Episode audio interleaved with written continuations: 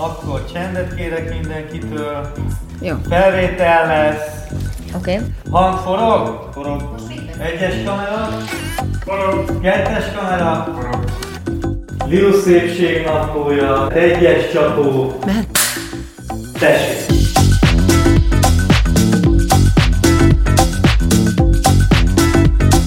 A szépség benned van, de sokat tehetsz azért, hogy ezt mások is észrevegyék. A Rosszmannal közösen készített szépségnapló videóiban megmutatjuk, ebben a podcastban pedig megbeszéljük, hogy mire érdemes időt és energiát fordítani, hogy még jobban érezd magad a bőrödben.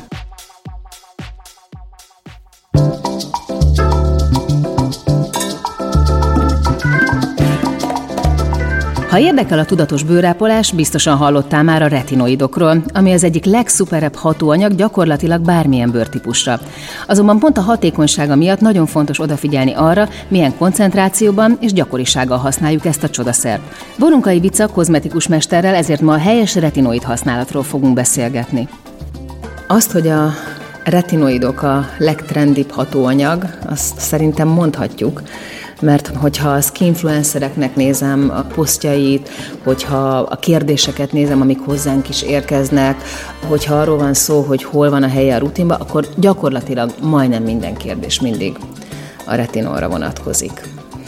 Igen, ez egy nagyon érdekes dolog, mert a retinoidok a reneszánszukat élik. Az A-vitaminos termékek 20 évvel ezelőtt is slágerek voltak, Annyi a különbség, hogy annak idején nem tudták stabilizálni jól az A-vitamint a termékekben, nagyon hamar lebomlott, és mire elkezdte volna a tégeit kinyitotta a felhasználó, és elkezdte használni, már nem volt olyan eredményes és hatásos, mert nem tudták megoldani a stabilizálását, mert ugye oxigén hatására, tégelynyitogatásra, fényhatására hamar elkezdett lebomlani. Azonnal folytas, csak hogy amikor retinolos terméket veszünk, akkor arra mindig figyeljünk oda, hogyha ez egy átlátszó üvegben van, akkor jó eséllyel nem fog úgy működni, mert hogy fényre érzékeny, ez az anyag, ez a hatóanyag, tehát ott már lehet látni, hogy valami nem oké. Az, az a cég, aki átlátszó üvegben tartja a retinolját, azt ne vegyük meg, hogyha nem muszáj. Vagy esetleg olyan stabilizált formát használ, amiről még nem tudunk, mert még mindig senki? kitalálnak valamit a vegyészek, ami, ami esetleg lehet egy olyan forma, hogy egy kísérleti fázisban lévő, van egy csomó újszerű hatóanyag, amit egy, új, egy csomó újszerű formula, amit így mondhatjuk azt, hogy tesztelési fázisban van, és még nem, esetleg még nem került be a köztudatba, de hagyományosan, igen, tehát hagyományosan, hogyha nem egy ilyen zsírosabb, sárgásabb anyagról van szó, akkor azért az ember megkérdőjelezi, hogy milyen magas retinoid tartalma van annak a terméknek. És ugye általában ezek az üvegek vagy olyan mm, füstüvegek, amik, amik átlátható, ami nem megy át a igen. fény, vagy sötétbarnák, vagy feketék, vagy, vagy igen. Tehát nem átlátszóak, mint a C-vitaminos termékek. Az is, ha átlátszó tégelyben van, akkor ott aztán elgondolkodható, hogy mennyi valódi hatóanyag tartalma van a terméknek. Oké, okay, jó, ezt csak azért gondoltam, hogyha valaki éppen válogat és szeretne jól választani, akkor ezért, ezért egy fontos pontja. Igen. Oké, okay, bocsánat, jó, hogy megszakítottalak, csak mondom, pont most láttam valahol egy átlátszó üvegben egy átlátszó folyadékot, amire az volt írva, hogy retinol tóner, és egyszerűen nem, nem, nem tudom elképzelni, hogy ez, ez hogy működik. Nagyon gyakran azért párosítják az E-vitaminnal az A-vitamint, mert az E-vitamin védi meg az oxidációs hatásoktól az E-vitamint. Mit csinál a retinoid?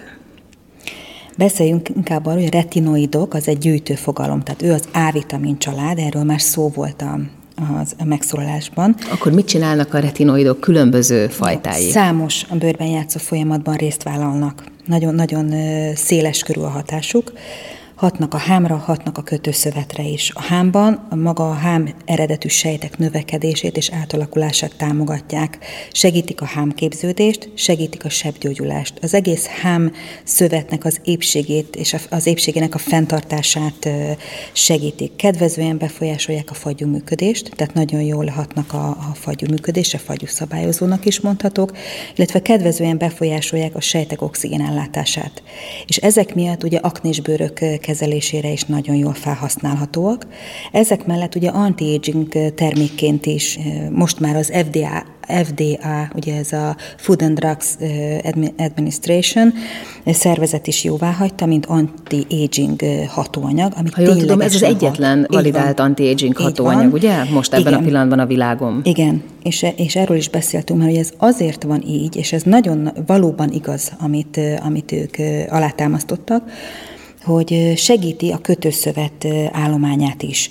Ez azt jelenti, hogy a, beszéltünk róla, hogy a kollagenáz enzim az az enzim, ami már 25 éves korunk körül elkezdi lebontani a kollagén rostjainkat, és a retinoidok meggátolják, illetve lassítják ennek az enzimnek a működését a bőrben, tehát sokkal lassabb lesz a kollagén lebontása is. Tehát az, hogy a bőrünk hosszabb ideig maradjon rugalmas, ebben egy nagyon jó hatóanyag nekünk a, a retinol. Jól Igen. beépítve a rutinba, és hosszú távon használva. Mert ugye a retinoidok, mondjuk, nem mondjuk egy a retinol. kozmetika. Igen, tehát ez nem egy, nem egy sprint, ez sem egy nem, sprint. Nem, tényleg egy jól felépített, egy átgondolt és türelem játék. Tehát ez, hogy föltöltse a bőrt, és valóban hatása legyen, az nem egy-két nap és az a termék, ami azt ígér, hogy egy-két a használat után fantasztikus eredményt ad, ott akkor valószínűleg nem a retinol fog hatni egy nap alatt, hanem van benne más a termékben, ami hirtelen egy ilyen effekthatást produkál a, a bőrben. Körülbelül mennyi egyébként a retinolnak a, a kifutás ideje, tehát amikor először érzékelhető a változás? Ugye minden, Hetek. te mondtad, hogy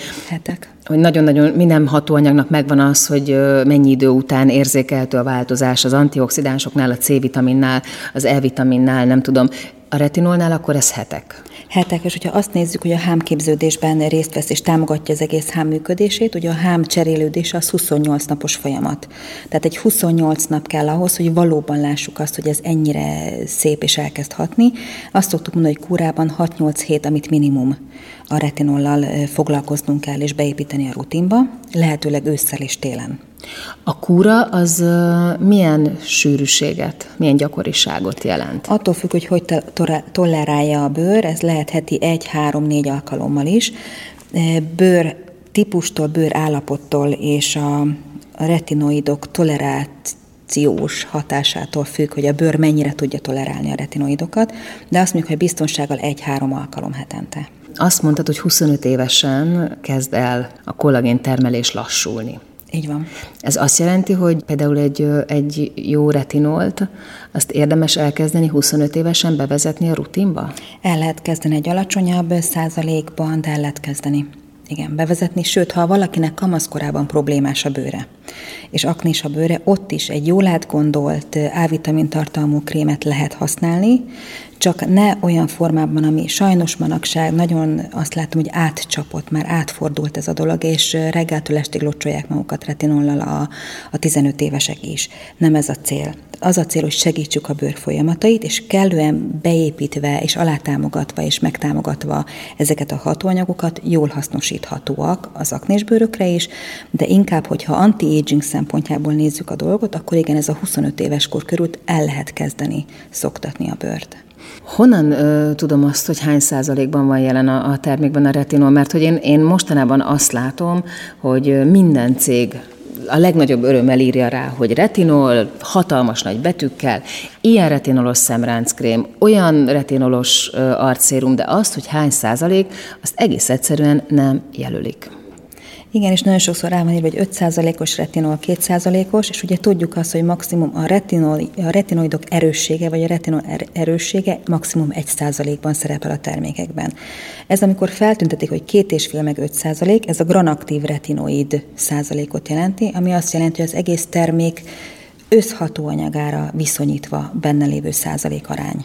És az például, hogyha ez az egész termékre vonatkozik, ez egy erős retinol, ez egy erős hatóanyagtartalmú cucc, vagy nem? Mert ez is, ezt is nagyon nehéz szerintem átlagos vásárlóként megítélni. Igen, általában az aktív hatóanyagok az olyan 3-5 százalék között már aktív hatóanyagként tudnak működni. Az olajok azok, amik akár 10 százalékban is, vagy ha egy teljesen olajos szérumról van szó, akár 30 százalékban is benne lehetnek. Nyilván attól függően, hogy hány fajta olaj szerepel a termékben. Ha egy olaj, akkor az 100 százalékos összetételben van benne. Ugye az inci listában általában úgy kezdődik, hogy víz, akva az első összetevő.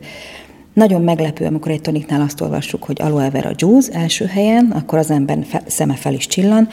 Tehát azért ez, ez a, az ingredients lista, ez az, ez az összetétel lista is megtévesztő lehet azok számára, akik nem tudják ezeket az alapszabályokat az incilista követése során. Igen, tehát akkor érdemes azért néhány összetevőnek a nevét megtanulni, csak amiatt, hogy akkor ez valami sarokpont legyen, hogy amit mondtál, hogy a tartósítószer az, az mondjuk maximum egy százalék? Maximum egy Vagy százalék? a glicerin? A glicerin az, amit, amit mindenki szerintem be tud azonosítani, és nem nehéz megtanulni, mert nem egy kémiai kifejezés. Ez a maximum 5 százalék. És akkor tudjuk azt, hogy ami után a Ami balra van a után, glicerintől, az több, mint az 5 több, mint 5 százalék, százalék, ami ami jobbra. jobbra, az pedig kevesebb, mint 5 százalék. Egy kicsit ö, segíts azt rendbe tenni, hogy ha retinolos termékről van szó, akkor hogyan olvashatjuk ezt az incilistán? Milyen módokon jelenik meg?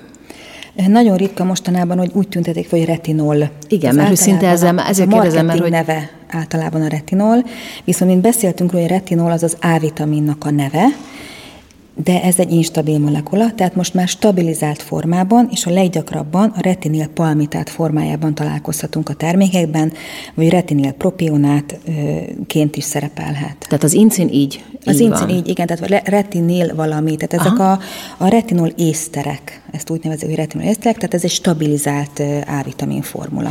Mert múltkor például az egyik ilyen retinolos csoportban valaki pont ezen problémázott, hogy vett egy terméket, vagy akart venni egy terméket, de ezen nincsen sehol retinol, és a retinil palmitát az nem ér semmit, az nem csinál semmit, az egy hülyeség, és nem is stabil, meg, meg, meg nem is hatékony, és hogy neki retinol kell.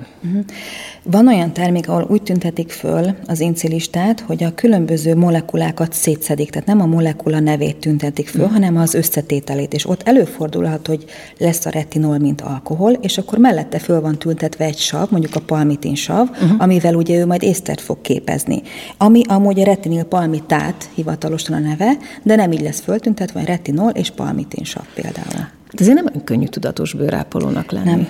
És erre szoktuk azt mondani, hogy Google a barátom, tehát keressük le, nem lehet mindent megjegyezni és ész- észben tartani, tehát nem vagyunk mi lexikon agyúak, és nem is ezért születtünk, hogy megtanuljuk minden kémiai összetevőt, tehát úgy kell, hogy józan paraszti észsel kell gondolkodni, és megnézni, hogy az én bőrömnek mi a jó. Megvannak azok a sarkalatos dolgok, amit azt mondom, hogy biztos, hogy nem szeretnék a bőrömre fölkenni, és annak fényében kell a termék összetevő listáját át- átolvasni. Ja, azt is mondtad, hogy a retinolt az kifejezetten az esti rutinba ajánlod. Inkább igen, mert fényé- fényérzékenyítő hatással rendelkezik, tehát jobb, hogyha éjszaka használom a bőrömre, egy, az több ideje van dolgozni, nem kerem le, nem törlöm le a bőrömről, illetve utána a reggeli rutinba pedig a fényvédő használata elengedhetetlen. Hogyha retinolt használok az éjszakai rutinba, akkor, akkor érdemes mindenképpen reggel a vizen túl arc tisztítani? Tehát akkor nem elég az, hogy Igen. csak így langyos vízzel lemosom, Igen. hanem azt érdemes Igen. rendesen, mondjuk egy, egy géles állagú, vagy egy nagyon gyengéden Éles, lemosó. vagy egy arctejjel. Aha. Az arctej, én nagyon szeretem az arctejeket, érdemes akkor egy arctejjel és egy tonik alá törölni a bőrt, és utána következhet a hidratálás. Hogyha valaki elkezd használni egy, egy retinolt, és azt veszi észre, hogy mondjuk érzékeny rá a bőre, akkor mennyi ideig érdemes használni ahhoz, hogy tényleg azt tud mondani, hogy vissza kell lépned, és egy kisebb százalékú retinolt kell használnod, vagy, vagy ezt kell hagyni, hogy edződjön a bőröd hozzá, és majd előbb-utóbb jó lesz ez neki? Mindenféleképpen szoktatni kell a bőrt, és nem, itt is nem fejest ugrani a mély vízbe, és nem a nagyobb, erős, erősebb hatóanyagokkal kezdeni, hanem egy alacsonyabb százalékú hatóanyaggal szoktatni a bőrt, és ha azt veszem észre, hogy van egy reakció, mert ugye dolgoznak ezek a hatóanyagok. Tehát az önmagában nem baj, ugye, Az hogyha van baj, reakció? akkor ritkítsuk- Mi a normális reakció? Tehát mi az, ami, aminél azt... Bizsereghet, bizsereghet a bőr, egy kicsit kipirosodhat, de az visszanyugszik. Tehát uh-huh. ha valakinek tartósan pirossá válik a bőre, vagy azt érzi, hogy ég, akkor, akkor valószínűleg túl erős számára. Vagy érzékeny a retinóra, amit nem biztos, hogy tud. De van olyan, hogy retinoid érzékenység is létezik, ugyanúgy, hogy savérzékenység is létezik. Van ilyen, erre használat közben lehet rájönni. Aki retinoid érzékeny, annak a bakucsiol az... Ez egy nagyon jó alternatívát Igen? jelenthet, igen, mert az gyakorlatilag kémiai szempontból nincs köze a retinoidokhoz, de hatásmechanizmusában igen, viszont az irritáló tényezőktől mentesen. Amikor mondjuk egy érettebb bőrről beszélünk, és mondjuk akkor beszéljünk a 40 pluszos bőrről, akkor ott milyen gyakorisággal, vagy hogyan építenéd be a rutinba? Hát itt is ugye mindenféleképpen éjszakára, az őszi-téli időszakban, tehát ez a késő télkor a tavaszig, kúraszerűen, és ugye itt is szoktatva a bőrt, meglátni, hogy a bőrnek milyen reakciói vannak, hogy építi föl, tehát a 6-8 hetes kúra az adott, Viszont egy öregedő bőrnél mindenféleképpen kombinálnám egy olyan vitaminnal, ami megtámogatja, tehát az E-vitaminról beszéltünk, más a Q10 koenzim, ami egy nagyon jó erős antioxidáns, és nagyon jó együtt működésben van ezzel a, a retinollal. Itt ez azt jelenti, hogy akár mondjuk az esti rutinban egy 40 pluszos bőrre nyugodtan használjunk akár két-három szérumot is? ami összeillik, vagy kombináltan. Tehát nagyon sokszor már a retinol szérumokban benne van. Benne van. Aha. Benne van. Ugye egyszer említetted nekem még korábban, hogy ne használjunk, vagy ne használjak retinolt nedves bőrre, tehát az például száraz, száraz bőrre kenjem Igen. inkább. Igen. Ugye a többi szérumnál többször beszéltünk arról a, a, az élőkben is, hogy szépen a, felrakom mondjuk a valamilyen tónert, mondjuk egy a kedvencem nekem a zöld, zöldás tóner, vagy egy niacinamid tónert, és akkor még, amíg egy picit nedves a bőröm, akkor én simán rá szoktam rétegezni a többit. Tehát, hogy Hidratáló Rá, igen, lehet. akkor rálakom a hiarulon, mm. meg a, a többit, de hogy a, a retinolnál ez máshogy van. Hát a zsíroldékony anyagok, tehát az A-vitamin a zsíroldékony vitamin, és nem szereti a vizet. És megcsúszik ezen az egész vizes felszínen, és nem tud jól beszívódni. Ugyanis ezek a zsíroldékony anyagok leginkább ugye a szőrtűszőkön vagy a fagyumirigyeken keresztül tudnak jól hasznosulni és felszívódni a bőrbe és keverednek esetleg a bőrnek a saját zsíranyagaival, és hogyha egy vizes közeg van előttük, nem szeretik a vizet. Kik a barátai, még a, a retinolnak hatóanyag barátai? Hát a zsíroldékony hatóanyagok, illetve a C-vitamin, ami minden más, minden más vitamin hatását erősítést támogatja. A savak és a retinol? Hát én nem használnám együtt. Biztos, hogy nem használnám együtt, mert, mert mind a kettő egy bőrérzékenyítő hatással bír, és ugye ez a napra, napjainkra sajnos jellemző, hogy túltoljuk ezeket a hatóanyagokat, és rövid távon lehet, hogy csodás eredményeket adnak, de igen, nem is annyira hosszú távon, lehet, hogy már egy fél év, egy év után már vannak következménye, elvékonyodik a bőr, hámló felszínt kapunk, érzékeny felszínt kapunk, hosszú távon pedig olyan ártalmak alakulhatnak, hogy lehet, hogy utána tíz év múlva pedig próbálja a kozmetikus helyre tenni, és nem tudja, hogy mi váltotta ki, mert nem biztos, hogy tíz év táblatából vissza tudjuk követni a folyamatot, hogy mi az, amivel ártott a bőrének. A lényege inkább ez, nem a tudatos bőrápolásnak. Persze az is nagyon fontos, hogy jó hatóanyagokat használjunk, azt, hogy tudjuk, hogy mi a jó a bőrünknek, de, de azt megtanulni, hogy mi az, ami árt, vagy mi az, ami, aminek tényleg következményei lehetnek, és nem... Az a baj, hogy én azt érzékelem, hogy, hogy mindenki mindent azonnal akar már és hogy tényleg a bőrápolás, plán, pláne a tudatos bőrápolás az, az, amit ugye szoktunk mondani, hogy, hogy, hogy maraton, és ez egy nagyon, nagyon hosszú távú dolog, ami, amit hogyha most jól csinálok, annak az lesz a következménye, hogy mondjuk 50 évesen vagy 60 évesen szebb lesz a bőröm, mint amilyen enélkül lenne. De hogy annyira mindenki filterként, vagy nagyon sokan filterként kezelik a hatóanyagokat, hogy egyszerűen bele se gondolnak abba, hogy, hogy lesz holnap, vagy hogy mi lehet ennek a következménye egy év múlva. És te is mondtad, hogy nagyon sok olyan vendéged van, aki pont emiatt a sprint miatt aztán egyszer csak nem tudja, hogy, hogy miért változik meg hirtelen a bőre, vagy miért lesz sokkal rosszabb minőségű. Ez az elvékonyodás, ugye erről beszéltünk. Igen, az egész, a tudatos bőrápolásnak az alapja az időzítés. Az, hogy mikor mit használhatok. Tehát ne lőjünk hangyára ágyúval. Tehát amikor van egy gyönyörű, hambos, hambas, rugalmas, fiatal, 20 éves bőr, ott a neki megfelelő hatóanyagokkal kell megtámogatni, az, amire neki szüksége van. Ne adjunk neki olyan hatóanyagokat, amit a 40-50 pluszosokra adunk, mert nincs rá szüksége az ő bőrének. Tehát tudatosan azt, hogy most 20 évesen, igen, tehát nyilván nézzük a bőrállapotot is, tehát lehet itt is egy kicsit rugalmasan kezelni a dolgot, de hogy kúrában, rutinszerűen használni olyan hatóanyagokat, ami a 40 pluszos bőrökre kell és jótékony, 20 éves korban nagyon sokszor árthatunk vele, vagy feleslegesen használjuk. Még egyszer nagyjából felsorolod, hogy akkor milyen típusú problémákra jó a retinol? A retinol nagyon jó az aknés bőrökre, a tudatosan felépítve. Anti-aging, tehát a, a ránckezelésre, illetve a foltos, tehát a napkárosodott bőrökre is jó hatással lehet, ha megtartjuk a fényvédelmet. És ha jól használjuk. És ha jól használjuk. Ha felépítjük, igen. okosan, amit mondtál, az időzítés, mikor, mit és mennyit. Igen. Hogy megismerjük és egyáltalán tudjuk, hogy mit keressünk, ahhoz nagyon fontos, hogy a nevüket tudjuk, ugye a retinoidoknak. Egyáltalán, hogy mik a fokozatok, mik az erősségi fokozatok, mit nézzünk az incilistán. Ezt elmondod? Igen, tehát az ős anya a beta-karotin, A beta-karotin az, ami nagyon jól használható mindenféle ártalom nélkül a bőre. A beta-karotin ketté hasadásából alakul ki ugye az A-vitamin, maga a retinol. Tehát a beta-karotin az az ő provitaminja előanyaga.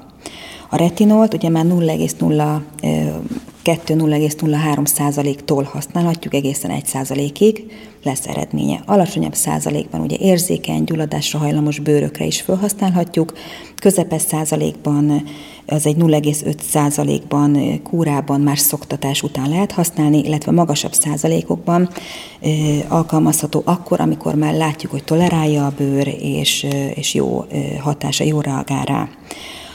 A retinol ugye beszéltünk róla, hogy amúgy egy instabil molekula, tehát stabilizált formában, észterek formájában teszik bele a termékekbe.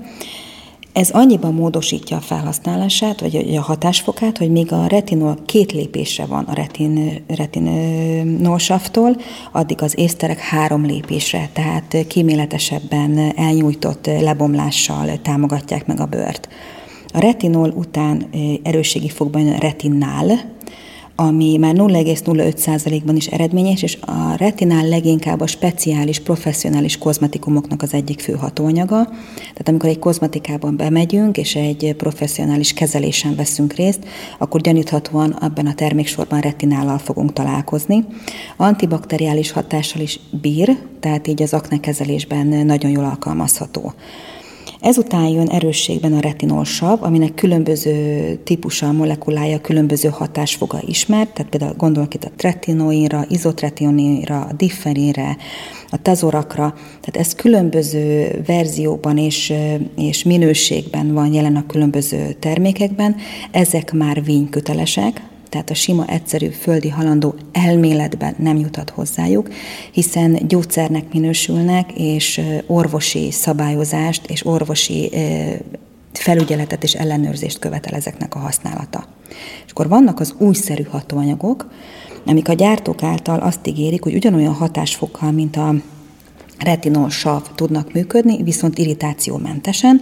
Ilyen például a retinil retionát, amikor ugye az RR, amikor a retinolt kapcsolják össze kémiailag a retinol savval, elnyújtott a lebomlása, első lépésben, hogy lebomlik a retinolsav, meg van támogatva egyéb hatóanyagokkal a termékben, és maga a retinol utána még tovább hat és több lépcsőben bomlik le a bőrben, és egy stabil molekulaként szerepel, és a gyártó ígérete szerint ez irritációmentes. Ugyanilyen a HPR, ugye a hidroxipinakolon retinoát, ami közvetlenül a sejtek receptoraihoz tud kapcsolódni. Tehát kikerüli ezt a több lépcsős lebomlást, és közvetlenül bekapcsolódik a sejtek receptoraihoz, tehát elvileg irritációmentesen tudja kiváltani ugyanazt a hatást, mint a retinolsav.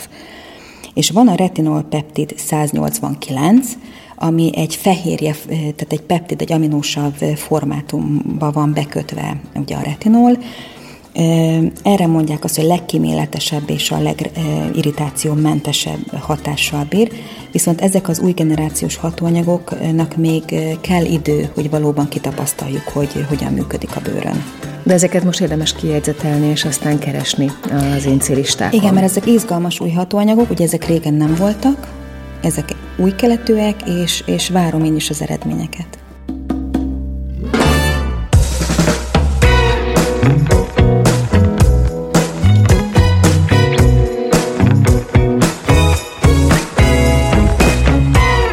Szépségnaplót hallottátok, ami az Azonos című YouTube sorozat kiegészítő műsora. Azért indítottuk el ezt a podcastot, hogy segítsünk megtalálni a benned lévő szépséget, és tanácsokat adjunk, hogy ezt hogyan tudod a legjobban kiemelni. Ha érdekel a téma, mindenképpen iratkozz fel a csatornánkra, és hallgass meg a többi epizódot is. Ha nem csak hallgatnád, de néznéd is a műsort, keres rá a videóinkra a YouTube-on, Lilus Szépségnaplója címen, amit a Rosszman csatornáján találsz meg. A műsor szerkesztője Zsille Sára Franciska, felvételvezetője Csomor Attila, a gyártásvezető Gröger Dia, a zenei és utómunka szerkesztő Szűcs Dániel, a kreatív producer Román Balázs, a producer pedig Hampuk Rihárd. A Szépségnaplót is Lilut hallottátok. Ne felejtjétek, a szépség tanulható. Beaton Studio Ha más podcastekre is kíváncsi vagy, hallgassd meg a Béton műsor ajánlóját. El tudod képzelni, hogy a podcastet, amit éppen most hallgattál, fél év múlva már a mesterséges intelligencia generálja? Mi sem. De ha érdekel, eljötte már a gépek lázadása. Hallgass bele az Embertelen podcastbe. Orsós Lajos vagyok, a műsor házigazdája. Egyelőre még élőben. Egyelőre. Fedezzük fel együtt, hogyan ismerkedik, randizik, mesél és vitatkozik Betty és Péter, két teljesen mesterséges intelligencia. Lajos, a podcast címét mond még egyszer, Léci. Oké. Okay. Embertelen podcast. Ez egy Béton podcast.